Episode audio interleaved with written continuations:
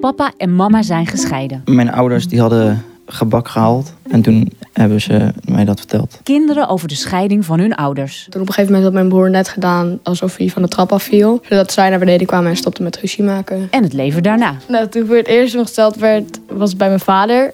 Maar ik had het liever bij mijn moeder gewild. Bijvoorbeeld de ene sok ligt dan bij mijn vader en de andere sok bij mijn moeder. En dan hebben we altijd gewoon eenzame sokken. Ouders die weer verliefd worden. Ik wil echt niet weten hoe zijn profiel op een datingsite eruit ziet. En nieuwe gezinsleden. Ja, het was inderdaad een vreemde vrouw in het begin die met haar dochters ineens langskwam. Wel apart natuurlijk om erover na te denken dat mensen die niet verliefd zijn geweest mij hebben gekregen. Papa en mama zijn gescheiden is een podcast van de NPO Radio 1 en Afro Tros. Oh, kan ik dit op de radio zeggen?